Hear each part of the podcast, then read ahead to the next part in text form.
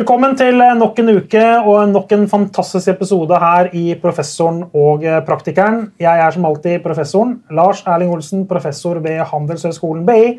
Og ved min side står mangeårig bransjeveteran, byråleder, konsulent, analytiker og gudene vet han ikke har vært. Shopper. Al shopper også. Alf Bendiksen.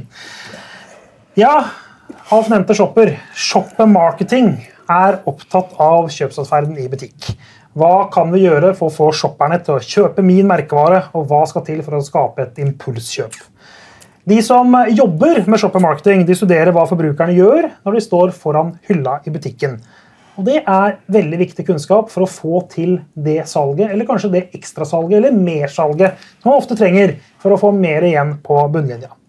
Og Mange av disse kjøpsbeslutningene tas kanskje i løpet av noen få sekunder bare, og er ofte et resultat av helt ubevisste prosesser hos forbrukerne. Vi vet ikke helt hvorfor vi gjør ting, men vi gjør det likevel. Og I dette avsnittet så har vi invitert deg, Øyvind Christensen, grunnlegger av et firma som heter Flow Insights. Du skal få lære oss litt om hva shoppemarketing er for noe, og hvordan det kan hjelpe oss da med å oppnå salg i butikk. Men Øyvind, jeg tenkte vi skulle starte med litt sånn nølete spørsmål. Sånn, Ja. Inngangsspørsmål til deg. Du har hevdet at shopperinnsikt stort sett begrenser seg til salgsdata. Ja, hvilke data skal vi egentlig ha, da? Ja, først og fremst takk for at eh, jeg fikk komme hit. Um, og eh, Hvis du er professoren eh, og du er praktikeren, så er vel vi egentlig kanskje sånn et mikroskop Ja, som, eh, som brukes for å Så- studere shopper behavior. Velkommen, mikroskop. Ja. Så eh, jeg tenkte jeg skulle ta en sånn innledning på, på nettbutikker versus fysisk retail. da. Ja. Bare for å skape en liten sånn, fortelle litt om eh, forskjellen på de to. Nettbutikker kan jo følge hva kunden klikker seg inn på. Ja. Eh, hva, hvilke produkter de vurderer, hva de tar i handlevognen sin, hva de tar ut av handlevognen sin. Eh, hvor lenge de vurderer, er jo inne på ulike sider, fram til de sjekker ut. Fysiske butikker har kun primært én datakilde, og det var kun betaler for i kassa. Eh, og, eh, så det fysiske butikker vet er realisert salg, mens eh, nettbutikker kan da analysere urealisert salg og frik friksjon på vei til kjøpet. Um, og Når man samtidig da vet at eh, tiden shopperen er i handle, inne handlemodus i butikk, den er ganske tight. Hvis du spør shopper i Norge om hvor lang tid de tror de bruker på en dagligvarerunde, så svarer de ca. 15 minutter. Men det inkluderer at de kjører inn på parkeringsplassen, de skal liksom ta en handlevogn, de skal gå inn, de skal betale, de skal gå ut, og så kjører de ut av parkeringsplassen. Den effektive tiden man har disponibelt, er under fem minutter. Fra du går inn, ja, i, i snitt. Fra du, og det gjelder supermarkeder og lavpris. Så det, det, fra du kommer inn til du betaler i kassa, er det ca. fem minutter du har disponibelt. Den er ganske Det gjelder ikke meg når jeg er på Jacobs. det må bare si. Det, er- Jacobs er unntak. Men, For, i, for det er ikke lavpris. Det var det du fant til. Ja. men, men snitt, eh, det gjelder supermarkeder også. på Snittiden du bruker, er under fem minutter. Okay, ja. Og da handler det egentlig om å effektivisere den tidsbruken så mye som overhodet mulig. At du skal kjøpe så mye du kan, få opp så enkel handleopplevelse som overhodet mulig. Du skal bli ferdig med alle gjøremålene på handlelisten din før du går ut. Eh, og så begynte vi da å se på eh, Når da fysiske butikker kun vet hva som går ut av kassa, hvordan kan de da jobbe med effektivitet? Så det vi laget var et sensorsystem som plasseres over hyllene, som anonymiserer kundene, eh, og som analyserer effektiviteten der kjøpsbeslutningen gjøres. Ja, men du ser, altså, det er et, et sensor, er det et kamera, da. Det er et kamerasystem, som, men det er sånn så se på spøkelseskladden. Så man klarer ikke å identifisere Ok, Okay, Så det er en sånn liten Ja. svart flekk over folks ansikter. Over, ja. over hele okay. alt som beveger seg. Um, og så har du da, Det vi er interessert i, er jo hvordan er det produktet plukkes opp og settes tilbake i hylla. Så hvis du har spesielle hender, så kan du bli identifisert, eller? Nei, det er, det, er, det er helt umulig. Vi har brukt så mye tid på å få det, her- få det personvernvennlig. Så vi har hatt masse møter med Datatilsynet og eh, bygget det fra scratch. For, at vi, for vi er ikke interessert i enkeltpersoner. Vi Nei, selvsagt ikke. Men det er viktig disclaimer, da. For vil Ja, ja, viktig veldig bekymret for å gå i butikker framover. Ja, riktig skrevet. Så, så det, vi, det vi fokuserer på, er at okay, Butikkene vet veldig godt hva som selges i kassa. Og hvis du har lojalitetskort, så vet du hvem kundene er. Eh, med, også hvis man bruker markedsundersøkelser, så vet man kanskje hvorfor kunden er der. Men hvordan kunden handler, eh, og hvordan produktet kjøpes, det er per i dag ukjent. Og det kaller vi interaksjonsdata. Og det mest interessante med interaksjonsdata er urealisert salg. Og dette er da kjernen i Shop Marketing, at vi får data på dette. ikke sant? Ja.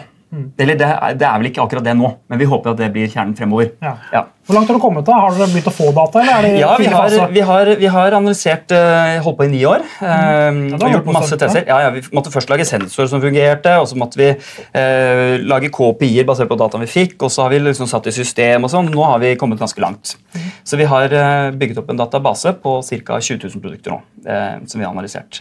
Primært da i Norge og Sverige, men også i USA, Singapore, England, Tyskland osv. Så, Mm.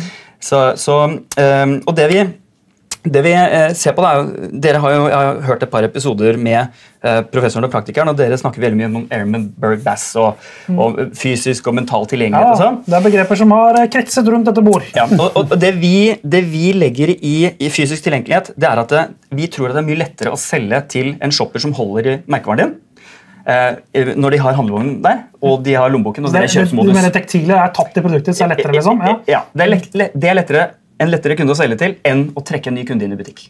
Mm. Ja. Så hva, eh, Det vi deler opp eh, fysisk tilgjengelighet, da, er tre, eh, tre ting. Og du må ha bra hylle. Eh, og det betyr at du, du eh, Produktet må jo være der. ikke sant? Så fysisk tilgjengelig. Det må faktisk være der. Eh, og så er det sånn at eh, selv om produktet er der, så kan det virke som det ikke er der. Så Per i dag måler bransjen utsolgt, men ikke nedsolgt. Så Hvis det er inn ett produkt innerst bakerst, så ser det tomt ut for shopperen. og da kan de velge å gå, eh, gå videre. Og så er det sånn helt basic ting som at de må ha pris på produktet eh, osv. Den andre delen er at du må ha en bra conversion funnel. og det vil si at eh, fint ord. ja, conversion funnel er at du, du måler hvor mange er som er foran hylla. Så Hvor mange er det som bare går rett forbi?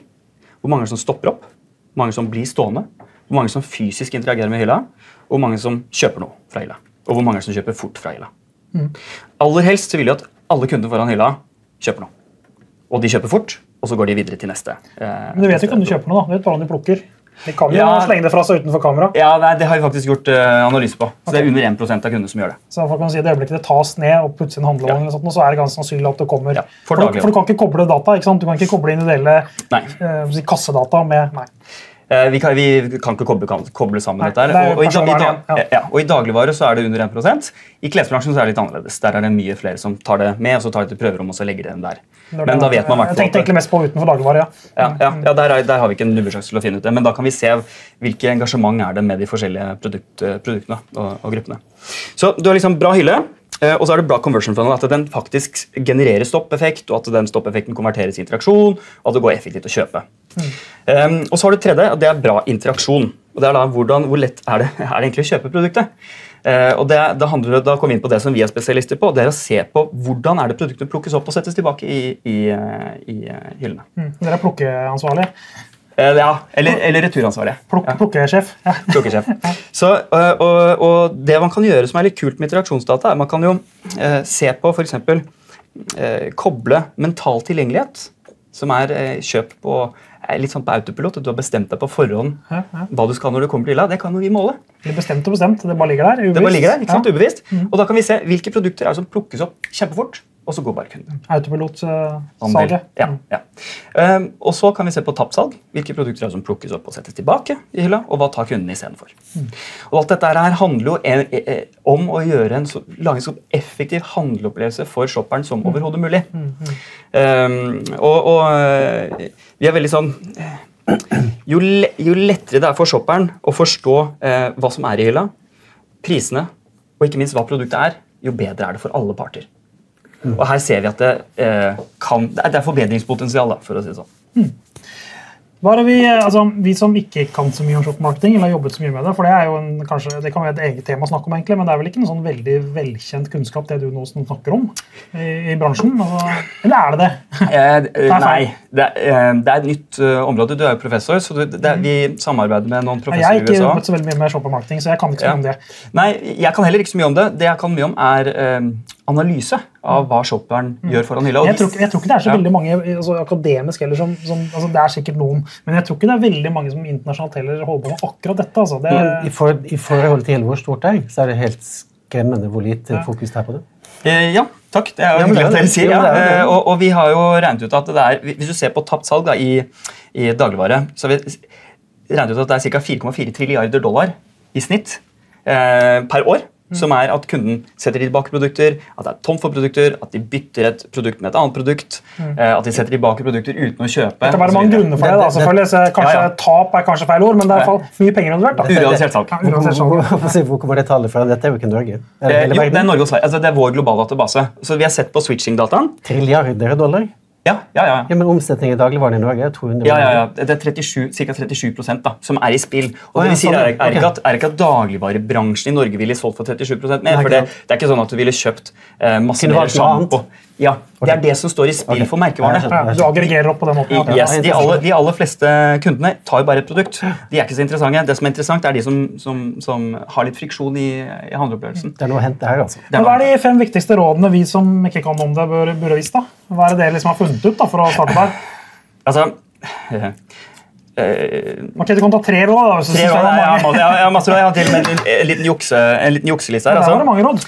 Ja, altså, vi, kan, vi kan ta produktdesign først og fremst, da, som er eh, et område der det, som er veldig god, det er veldig god forbrukerdata.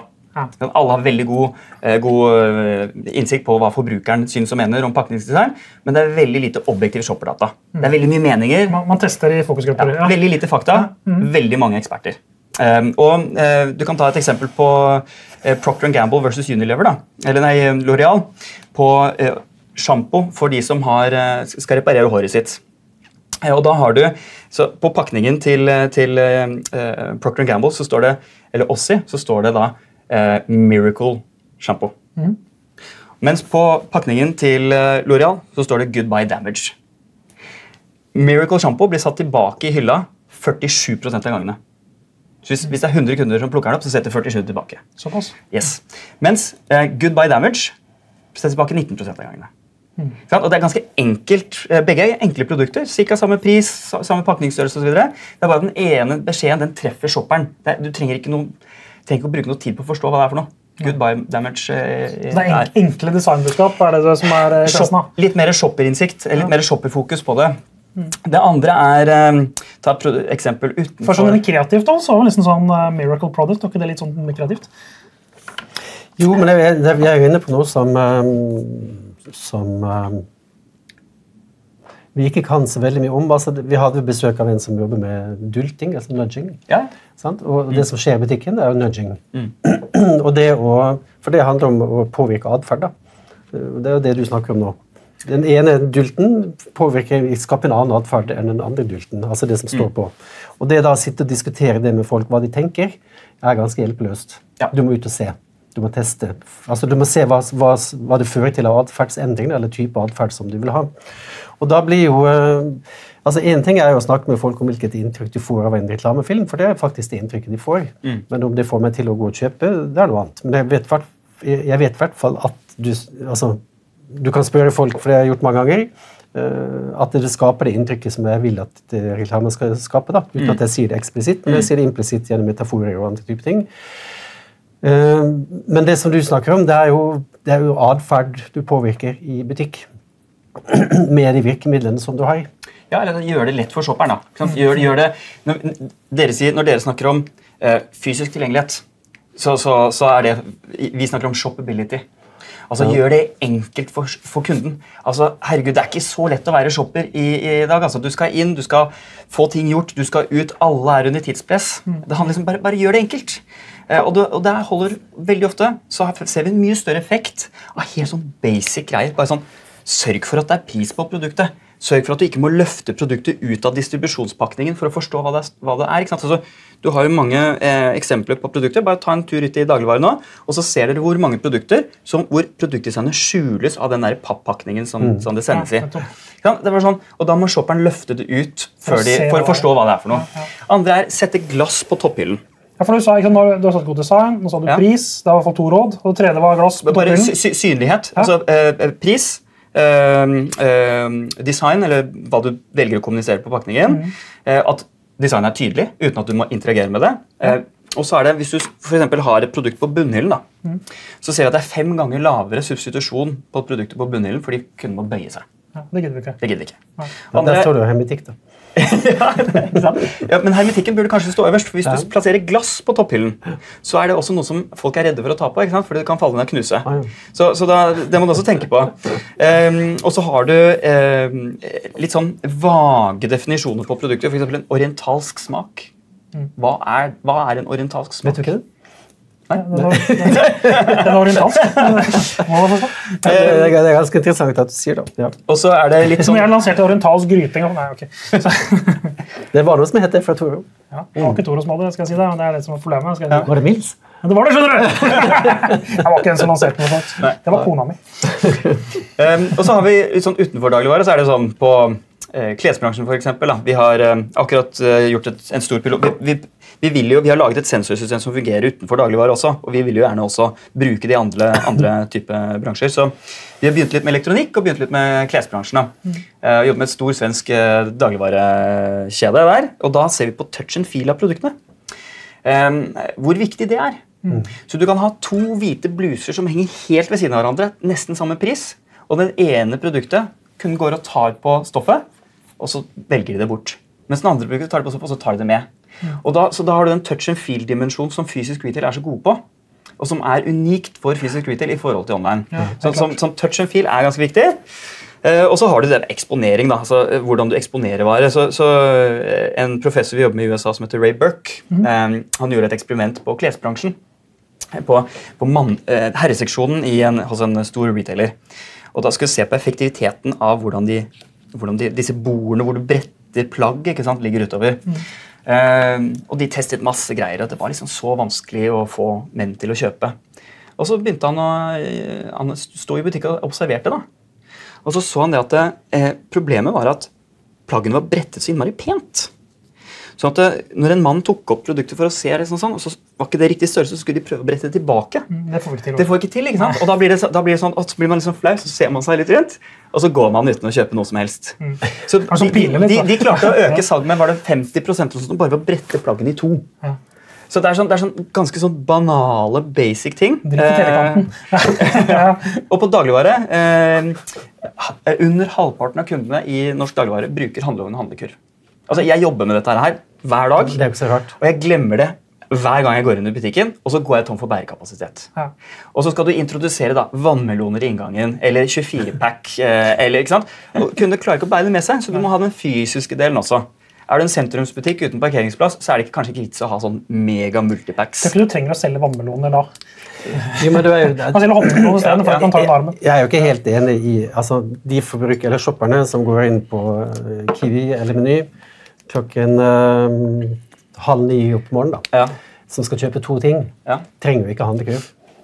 Nei, de trenger ikke handlekurv. Nei, og, og når du snakker om snitt altså, For jeg syns jo snitthandlekurv i dag var et helt meningsløst uh, fenomen, fordi det, det fins ikke. Men det er noen som kjøper ett produkt, og noen som kjøper tre, og noen som kjøper 40, og noen som Ja. kjøper mye mer. ikke sant? Ja, ja, helt enig. Så, men, jeg, ja, men jeg er jo enig med deg at eh, altså, bare det Jeg gjorde et prosjekt for eh, Gutta på Haugen, som er en bitte liten butikk. Mm. Ja, Fantastisk butikk. fin butikk. Ja, ja. Mm. Og så spurte Trond, som har starta dette, her, meg om å kunne hjelpe litt. Grann. Og så gikk vi gjennom butikken en dag, og så sa jeg det, det er i hvert fall én ting du kan gjøre i dag. Mm. Og det er å kjøpe flere handlekurver. Sette dem i inngangen og når du kommer inn, og så ett sted til i butikken. De skal alltid stå. For hvis folk sto sånn, ikke sant? Ja. Fant ikke handlekurv. Så han gjorde, det var det første han gjorde. da. Så det er jo morsomt at du sier. Fordi uh, du skal gjøre det enkelt for shopperen. ikke sant? Gjør det enkelt for shopperen å, å gjøre ting. Og så på, på akkurat med det med handlevogn, da. Det, det er jo mer, mer sagt for at Hvis du skal introdusere veldig tunge produkter, og store produkter, så må du tenke faktisk på fysisk håndtering. Ja. Men så har den andre siden. da. Eh, Det er, det er på produkter som prøver å kutte vann fra produktene. altså du har et bærekraftsperspektiv, hvor det å transportere mange liter vann rundt omkring på norske veier, det er jo egentlig uh, tungvint når du kan blande det hjemme med ting. Det vi ser er at Vekten på produktet har ganske mye å si. Så hvis, du, hvis, du, um, hvis du har et produkt som koster uh, en del, akkurat samme som de andre produktene, men, men det veier mindre, så opplever shopperen kanskje at de får mindre verdi for pengene. De sier at de plukker det opp, touch and feel Men det er det tak- taktile igjen, ikke sant, dette, ja. Mm. Så, vi, så det vi kan måle er jo hvor lenge er det produktet holdes i hånden. Hvis det holdes i et par sekunder, så er det sannsynligvis det taktile. Mm. Hvis det holdes i 30 sekunder, så er det sannsynligvis noe med teksten på pakningen. Det er interessant. Så ja. Da kan du få nesten litt svar på en utfordring du kan ha. da. Har du tall på det? Hvor mange shoppere er det som eh, står og leser på pakninger i dagligvaren? Ja, vi har tall på det. Vi har ikke tallet nå, men vi har tall på det. Det er ganske mange som, det er ganske mange som vurderer produktet ganske lenge. Uh, så, og da, Men varierer det mellom kategori og kategori? Ja, det er stor kategorivariasjon. Kan man si noe om det? Altså, hvilke, hvilke kategorier er det som er mest autopilot, og hva er det som er minst autopilot? I- Mest autopilot er liksom meieri og de, de vare, vanegruppene man har. Mest, altså, Der hvor det er størst potensielt salg, sånn andelsmessig, da, det er kanskje det er to, to kategorier som peker seg ut. Den er klær i dagligvare. Ja. Ehm, og, og der Som er det non-food, da, ja. Nei, altså tekstiler. Der er det ca. halvparten, over halvparten av produktene som blir satt tilbake. igjen. ja. Uh, og sammen med personlig pleie. Det er liksom de to som Så personer pleier å bruke mer kreft på. altså. Ja, det- sier det noe om litt sånn- merkestyrke i kategorien nå, eller? For at, øh, det er jo merkevarer i personlig pleie, for all del, men, men det er jo kanskje, hvis man tenker i norsk dagligvare, så er de sterkeste merkevarene kanskje ikke der. Eh, Det er ganske store merkevarer i Jo, jeg, absolutt. Jeg bare tenker liksom I en relativ styrkefordeling så er Ja. Zalo og Jarlsberg og er kanskje et bedre eksempel. Ja. Og, og Tine Melk er kanskje enda sterkere merkevarer enn eh, en del innenfor personer. For det er så mange sjampmerk som bytter hele tiden. Ja, det er det også er en ting som vi har sagt, og dette har vi sagt i ni år. Vi har sagt sånn, altså, Man må få på funksjonen på pakningen. Altså, når, når man gjør forbrukerundersøkelser, så spør man liksom, hva er viktig for deg når du kjøper sjampo. Men, og da er produktkategorien gitt. Men det som er viktig, er, er egentlig at det står at det er sjampo. For, det- for kundene er det viktigere at de kjøper sjampo enn at de kjøper eh, en, en multivitaminsjampo. Ja, ja, Så, så det kommer liksom over, over i, i Men, men hvorfor gjør ikke de. Dette er jo ofte store aktører, store internasjonale aktører, Ja. som burde ha tilgang på diskusjoner rundt disse tingene også. Mm. Hvorfor skjer ikke det, da? Selv om dere sier det. Uh, en, en vi hadde møtt med. Uh, jeg skal ikke nevne navn. Nei? Han sa liksom, det handler om Fortell oss etterpå, du. ja, det kan jeg si til dere etterpå. Men det handler ikke nødvendigvis om å gjøre det så innmari lett for shopperen. Det handler om å få nok innsikt og nok fakta og nok grafer til at du overbeviser en retailer om å ta inn produktet. Ah, Yes. kan man forstå. Gatekeeperen. gatekeeperen. Ja, Din gatekeeperen, så du får distribuert produktet. Og, og det er der vi, vi tenker at det har sikkert fungert strålende i mange tiår. Men vi tror at eh, fremover så blir det mer og mer fokus på, at, på effektivitet. Hvis du skal få lov å overleve hos den retaileren, så er det greit å bli solgt litt òg. Ja, det er det. Og, og jo min, mindre fakta du har, jo dyrere er det ofte å få det inn hos en retailer. ikke sant? Så hvis du har kommet med et skikkelig bra business case som er tuftet på analyse av eh, ordentlig eh, oppførsel i kategorien, og, og det er liksom du har gjort jobben din, så er det veldig mye lettere å få det inn og få det rullet ut, enn om du kommer med en litt sånn, litt sånn vrengt Nielsen-data som alle andre gjør. Men det, noe av min erfaring de siste årene, som har jobbet en del med pakningsdesign og veldig mye dagligvarer, Ja. det er jo at eh, de jeg jobber med, konklusjonen er at eh, vi må mer ut i butikk. Jeg, altså De går i butikk eh, mange ganger i uka, Ja. men har ikke på seg sine egne merkevarebriller. Nei. Og tenker egentlig ikke over det, hvor, hvor viktig det er. da. Og du kan peke på enkle ting som, eh, som eh, altså når, du, når du ser det i butikken, så eh, jeg husker et, en kommentar, da, for de sa at dette var det beste prosjektet vi har hatt. Og så peker du på at når det kom i hylla, så ble det egentlig motsatt av hva vi trodde. Og det er et tilfelle, altså. Men det hadde jeg aldri tenkt, det hadde ikke vært ute i hylla sett. Jeg hadde fått det presentert på en hvit vegg hos et designbyrå. Ikke noe galt i det, men, og alle designbyråene jeg jobber med, sier at vi er ute i butikk hele tida. Men, men eh, det er ikke alle som gjør det, altså. Eh, kom jeg, jeg kan ta ett case. Vi har, eh, altså Husker du den der irrgrønne fruktis-sjampoen? Ja, husker jeg. Sant? Den, den, den fungerte altså som en kule. Uansett hvilken hylle vi analyserte, så skilte den seg ut. Kjappest å finne, raskest å kjøpe. Det var fargene da som var Fargen, ja. Den, den, og den trengte ikke noe støtte. Fra, den trengte ikke å spaces opp etter brand. Den kunne stå hvor som helst, i en stor butikk, en liten butikk, og den solgte som hakka møkk. Og siden den gikk bra, så mm, laget de en sånn range extension på den, og nå er det litt sånn vannet ut. Så nå har den samme profil som de andre. Eh, og Der, der, der kom jeg litt inn på den, den der med eh, range extension. Da. Altså Jo mer avhengig en merkevare er av å spaces sammen, at du, du liksom skal ha produktene i serie etter hverandre, jo mer sårbar er du for spaceendringer hos kjeden. Og hvis en kjede skal øke salget, så er det ikke nødvendigvis om å, om å, å space etter merkevare, for da handler det om å få fram flest funksjonelle, objektive kundebehov i hylla. Så kjeks er ikke kjeks. ikke? Kjeks, Du har turkjeks, du har barnekjeks, du har kjeks til ost og vin. og så liksom grupperer det opp etter funksjon, så er, er sjansen for at du øker handlekurven større enn om du spacer på brand. Ja. Det er jo fra dagligvarens ståsted veldig fornuftig. Fra en leverandørs ståsted litt sånn motsatt. Yes. Så, men der, der, der, der jeg tenker at den fruktis-casen er egentlig ganske ganske enkel på enkel Ja, det er et godt. Ja. Jo, men det du, det du sa der med den fargen, da, for det er jo det Jeg husker ikke hvem som har gjort analysen, men det er ikke Jenny Romaniuk, men det står i hennes bok 'Distinctive Brand Assets' at det viktigste med pakningsdesign i butikk, det er farge.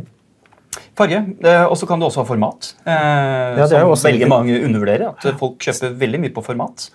Eh, så, så det er også størrelse på produktet. Så ja. Det er jo ikke så mange merkevarer i hylla ute i butikken som har en brandfarge.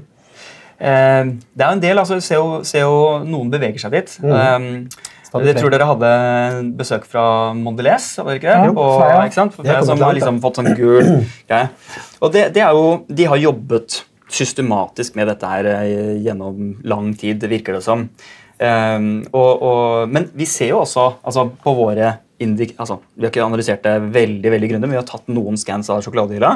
Det er jo eh, Forvirringen øker jo når du har firkløver kommunisert eh, middel Ja. på pakningen, enn at det blir en Det er ikke så at finne. Det er så mange varianter, så det er vanskelig å finne. ut. veldig- det er veldig mange varianter. Men Sølvi sa jo det da hun var her, at uh, hun innrømmer det at de gjør feil. Da må du ta et skritt tilbake. Og firkleverplaten Ja. var jo mye gulere for et par år siden enn i dag. Nå er den nesten bare blå, sånn som firkleveren skal være. da. Eller var, eller er. Og så tar det jo eh, ikke sant? Altså, det, tar eh, 20 sekunder fra en kunde kommer foran hylla til de kjøper en sjokolade. En storplate.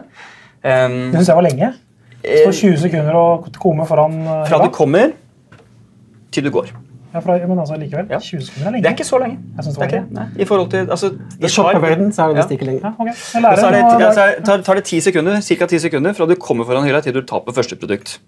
Og 80% av kundene tar bare på ett produkt. Så det er bare 20% av kundene som vurderer flere produkter. Så hvor lett det er å få til en, et mersalg da, på forskjellige smaker, det er, ikke, det er ikke veldig lett kategori å få det til i. Og da er du ofte avhengig av kampanjer og ekstraplassering hvor du har eh, pakketilbud og sånn, men det koster penger igjen. ikke sant? Mm, Um, så, så ja. Hvem er det som er flinkest på shop-marketing her? da? Altså, er en, kan man trekke ut noen uh, bransje eller, altså, aktør? siden dere jobber med merkevarer, men eh, ok, nå kommer litt sånn upopulær mening, men det er faktisk kjedende. Hva? Men kjedene også, Men altså- også merkevarer. Så det, det, Ja, det, de, jeg føler de, ikke det de traff. er, de er eh, Jeg vil si at de, de er mye mer bevisste på hvor viktig det er å vinne shopperen i Ikke så hylla. rart, da. Det er jo deres egen kanal. Det er, det er deres egen kanal, og så har de, har de litt mer fokus på shopper enn eh, forbruker. Og, Og hvem er eh, flinkest av dagligvareleverandøren, da? Nei, der har vi ikke noen spes... mm. Vi har jo noen som er eh, som, som er i hvert fall interessert i shopper da, og jobber liksom med shopper. De, de skiller seg litt ut. Det er ofte de som kommer med de innovasjonene som er mest treffsikre. Eh, Det er de som er litt nysgjerrige på shopper og, og bruker litt eh, tid på det. Men også små produsenter kan være ganske gode. fordi de går seg ikke så mye bort i, i, i hva skal jeg si, teorier. Eh, er det lov å si det? Ja, ja, ja. Eh, også, men de tenker veldig praktisk. Og det, jeg, tror det fordel, jeg tror det er en, ja, jeg tror det er en fordel også også tenke på at shopperen har et behov de skal løse kjappest mulig. Og det betyr ikke alt mulig rart. Og vet du hva? Eh, for kundene flest de leser ikke om eh, de, de leser ikke bøker og markedsføringsteorier. og sånn. Jeg prøver å unngå det selv, for jeg ønsker å være, altså vi ønsker å være shopperens stemme. Eh, og så skal vi tilby vår data til dere. Du skal være en opplyst allmue? er det det? Nei, nei, vi skal være, vi skal være mikroskopet. eh, og, og vi skal ikke være legen. Og vi skal enda mindre være forskeren. Så vi, skal, vi ønsker å tilby denne datakilden, og så kan andre ha meninger om den. Vi bare, vi bare, det vi er gode på, er å analysere selve Du skal være en dataleverandør, ikke en analytiker. En leverandør av interaksjonsdata. Ja, det stemmer. Hva er det som har overrasket deg mest da, når du har jobbet med disse tingene her gjennom ni år? Uh, mm, Noe som, som har slått deg? Sånn, hvor, hvor lite uh, fakta det er på kjøpsøyeblikket. Eh, det er utrolig lite fakta på det. Eh, på. det vår jobb ofte er altså Vi er veldig imponert over de som er eldre i bransjen. Altså Det er ikke så mange bransjer hvor betalingsvilligheten for en 70-åring er høyere enn for en 40-åring. Men i dagligvarebransjen så er det litt sånn. Eh, og, og, og det er fordi de har, de har vært med så lenge, de vet hva som funker og ikke funker, men de har ikke tall på det. Så litt av vår rolle ofte er bare å sette tall på det. Eh, men hvor lite som vites om, om eh, kategorien, hvor mange nyheter som rulles ut basert på når vi setter og ser på hva forbrukerinnsikten eh, påstår, og hva shopperinnsikten faktisk er, så ser vi en kollisjon. Og det er jo er det 80% cirka, av innovasjoner og sånn som feiler, og så er det litt sånn survivorship bias, at man ser de innovasjonene som gjør det går kjempebra. Men fytti rakkeren, de innovasjonene skapes det er vel ikke alle innovasjoner som mislykkes pga. dårlig shoppermarketing. Det kan jo være dårlig behovsdekning i bånn også. Det, er- Ja. det, er- det er fordi det er for mange. Eller at produktet ikke er bra nok, så at du blir skuffa når du kommer hjem. Ja, altså- det er for mange innovasjoner. Jo, det er så, men jeg bare tenker at det er mange grunner til at innovasjon ikke lykkes. Men shop-marketing er selvfølgelig kan være en av det. Og så er det kanskje satt opp mer for å få produkt inn i butikk enn ut av butikk. Ja, nettopp. Ja. Eh, som også er eh, Det vi opplever i, når vi jobber med utenlandske kjeder, er at de er litt mer opptatt av hva som går ut av kassa. Eh, ikke nødvendigvis inn i butikk. Men det som du sier, som jeg tolker, eller sånn som jeg tolker det, da, det er jo at eh, det her er det veldig enkelt å bli ganske mye bedre. Det skal ikke så veldig mye til, i hvert fall. Nei. så, Det er fordi det brukes så fryktelig mye penger på forbrukerinnsikt, Ja. og så brukes det tilsvarende lite på shopperinnsikt. Mens eh, kjedene sitter jo med shopperinnsikten og vet kanskje at dette er sjanseløst, eller dette tror vi ikke noe på, eller eh, altså, det, det som, Den datakilden som er tilgjengelig, som alle bruker, er jo kassedata. Kjedene har heller ikke shopperinnsikt mellom hva som skjer fra kunden kommer inn, til de betaler i kassa. Det er en black box. Altså, leverandøren har jo stort sett, øh, ja, grovt sagt, har vi ikke innsikt i det opp hva som skjer i butikken. Det drar litt langt, kanskje. Nei, vi har vel kanskje noe mer. ja. Ja, det er litt langt. Eh, De, de, de, er, er, er ute, men de, men de, de gjør shop-alongs, Ja. um, og så gjør de litt sånn observasjonsstudier og sånne Ja, ting. Uh, men, men det som det gjelder, er jo å prøve å få litt sånn godt, godt datagrunnlag. Det koster litt, ikke sant? Og så er det, er det andre at um, forbrukerinnsikt det er sånn puls, man holder, man holder pulsen på forbrukeren hele tiden. Mm. Shopperen det er sånn man gjør et shopperprosjekt hvert tredje år. Og så lever det liksom i tre år. Men se bare på hva som har skjedd de siste to-tre årene. ikke sant? Kundene endrer seg, og, og det er mye som skjer. Så, så vi mener at det er lurt å, å ha shopper litt opp på agendaen. Utfordringen per i dag med hele bransjen det er at det er ikke noe mottaksapparat for tapt salg. Altså, Hvem er det som er ansvarlig for tapt salg og handleopplevelse? Det er uh, emballasjesjefen. Nei, jeg vet ikke. Nei, men det var en, er? Ja, eh, det, er jo, det fins jo ikke noe svar på det. Men en bedrift jeg har jobbet med, sånn, de sa jo at eh, kanskje vi skulle hatt hylla vår fra butikken her på kontoret. Ja, det sånn at vi gikk forbi den hver dag. Ja, men jeg tenkte uh, jeg tenkte ikke hvorfor har de ikke gjort det før, men, men det, var et, det var en sånn aha-opplevelse. Ja. At uh, hvorf- altså, Vi har altså ikke vi, vi vet ikke hvordan vi ser ut ute i butikk uh, andre ganger enn når vi skal ut i butikk og se. Hvis, hvis vi hadde hatt en hylle i korridoren her sånn, Mm. så hadde vi gått forbi den hver dag. Kanskje vi hadde oppdaga et par ting. Jeg Mm. tror vi hadde oppdaga ganske mye. Ja, jeg tror i hvert fall det å, det å kanskje ta av seg fagbrillene Man sitter, man sitter og jobber med en Jeg, jeg jobbet i Jotun som trainee. Og da satt vi inne på kontoret. Vi laget uh, pakningsdesign. ikke sant? Vi, herregud, så lang tid vi brukte på fonter og farger og fargekoder. Detaljer. Ja. Ikke sant? Og så gikk vi ut i butikk, og så skjønte at eh, etter to timer i butikk så skjønte jeg at det her handler ikke om eh, pakningsdesign, det handler om å vinne de ansatte eh, i butikken. For er alle kundene kommer rett bort til en ansatt og sier du, jeg skal male stuen, eh, jeg trenger hvit farge, hva skal jeg ta? Og så er det opp til den ansatte å, å ta produktet.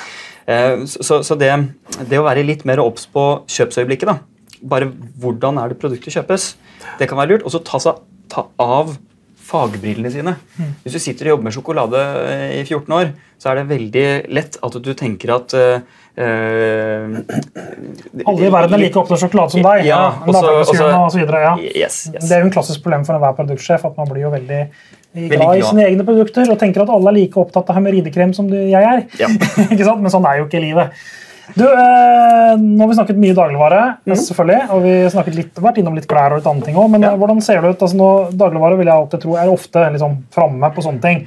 Andre, det er masse andre bransjer i Norge. Ja, så Dagligvare er kjempeflinke eh, i forhold til andre Ja. bransjer. Der er det stort potensial. Det er kjempepotensial andre steder òg. Ja, Ja. hvis du ser på at Tapt salg i Dagbladet er ca. 37 da, i, i hyller. Eller det, det salg som er i spill, er Hva med jernvare, blomsterbutikker, apotek? Klær- Jeg kaster ut. Klær for eksempel, har 95 tapt salg. ikke sant? Så, sånn, sånn at Øh, øh, Det er så mye Yes. interaksjoner som ikke fører til et kjøp. Nettopp. Det er så mye touch and feel som ikke konverterer. Men kan dere bidra for å Vi, vi skal ikke Ja, vi, altså, vi kan være med på å identifisere det. Data som kan gjøre at man kan få ned den prosenten? da. Ja, det vi, Ja. vi tror det. Eh, og det man kan gjøre, er å begynne å teste ting. Og vi har veldig tro på det å teste. altså Ikke bruke så mye tid på analyse, eh, men finne ut hvor problemet er, og så bare teste en hel haug av tiltak. For å se hva som funker. Og, og her kan det være litt sånn counterintuitivt også. Vi har testet på en kategori vi jobber med i dagligvare. da, Så var det en hypotese at hvis vi aldri går utsolgt i hylla, så øker salget. Så testet vi det, salget rikket seg ikke. Så prøvde vi å kutte sortimentet med 50% og salget økte med en gang. Den klassiske? Det er sånn, det er sånn klassisk. fatigue, det Ja. der. Så, så, så det er ofte så vet man ikke hva som funker før man er ute og bare prøver. Og det er mye billigere og enklere å bare gjøre en test. Gå ut og bygge om en hylle, ta to-tre timer, bygge om en hylle, og så kanskje få salgsdata fra butikken, og så har man en liten retning. Eh, enn å sitte og lage et kjempestort data science-prosjekt. Vi gjorde en sånn test i en eh, jeg skal ikke si kjeden nå, men det er en kjede som er kjent for å ha veldig mange SKU-er. Ja. Og eh, hypotesen var at vi skulle øke salget gjennom å kutte antall SKU-er. Ja. Altså produktlinjer. da. Ja. Og så kutta vi, vi har, altså Det var like mange facinger i butikk, men det var halvparten så mange uh, SKU-er. Ja. Så kom butikksjefen og spurte eh, når vi skulle begynne. Ja. Men vi så det ikke. Nei. Salget gikk opp med 8% ikke veldig mye, men Ja. 8% i en svær kjede blir Ja, mye penger. du må tenke på kostnadsreduksjon. Ja, ja, Og kostnaden med å drifte alle disse SKU-ene, som er ganske høy. Og så handler det liksom for kundene om å få en effekt. ikke sant? Igjen, shopperen. Tenk shopperen. De, de, de, de, de har andre ting å gjøre enn å være i butikk. De skal få løst behovet sitt, og så skal de ut. Det skal jeg love deg. Det er, mye, det er mye man skal gjøre som ikke handler om å være butikk. Blant annet så er det å ligge på sofaen også høy verdi. Ja. Du, eh, tusen takk, eh, Øyvind. Øyvind Christensen i eh, Flow eller Flows? Nei, det var Flow Insights, heter Yes. det. Må sjekke så jeg sier riktig. Eh, veldig nyttig, lærerikt. Jeg, jeg føler at det er flere ting om shop marketing vi burde snakket om, men vi får ta dette som en start, og så får vi invitere Øyvind tilbake på et annet tidspunkt. Tusen takk for at jeg fikk komme. Ja, tusen takk. Og takk til deg som også lyttet og hørte på oss. Eh, Vi kommer hver onsdag med en ny episode, så det er bare å stålsette seg. Om en uke så er det nye muligheter. Og takk også til den absolutt beste shopperen i Professoren og Praktikeren, vår faste produsent Nora Fundeland Lund.